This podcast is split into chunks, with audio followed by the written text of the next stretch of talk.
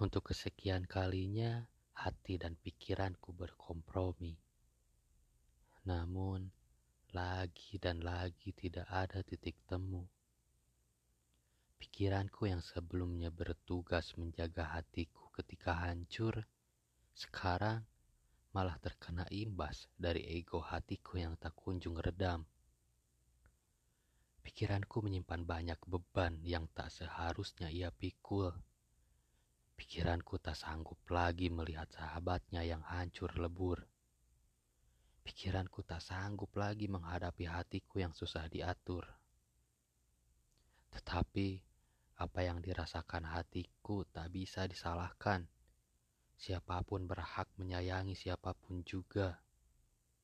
Namun, ada kalanya kita harus siap dengan apa yang kita rasakan tak terbalaskan. Dan hatiku belum siap. Di sisi lain, pikiranku yang mulai hancur terus mencoba mengobati hatiku. Pikiranku menyarankan agar memberikanmu sepasang sandal. Pikiranku beranggapan bahwa walaupun hatiku tidak ada di dalam dan bersama hatimu, ada sesuatu yang lain dariku yang bersamamu. Ke mana pun kau pergi, ke mana pun kau menapakkan kaki, sandal itu akan selalu menemanimu dan melindungimu dari kerasnya jalan bebatuan dan menjadi saksi perjalanan hidupmu.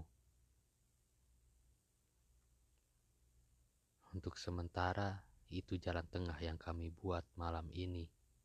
Ya, kami, pikiranku, hatiku, dan aku.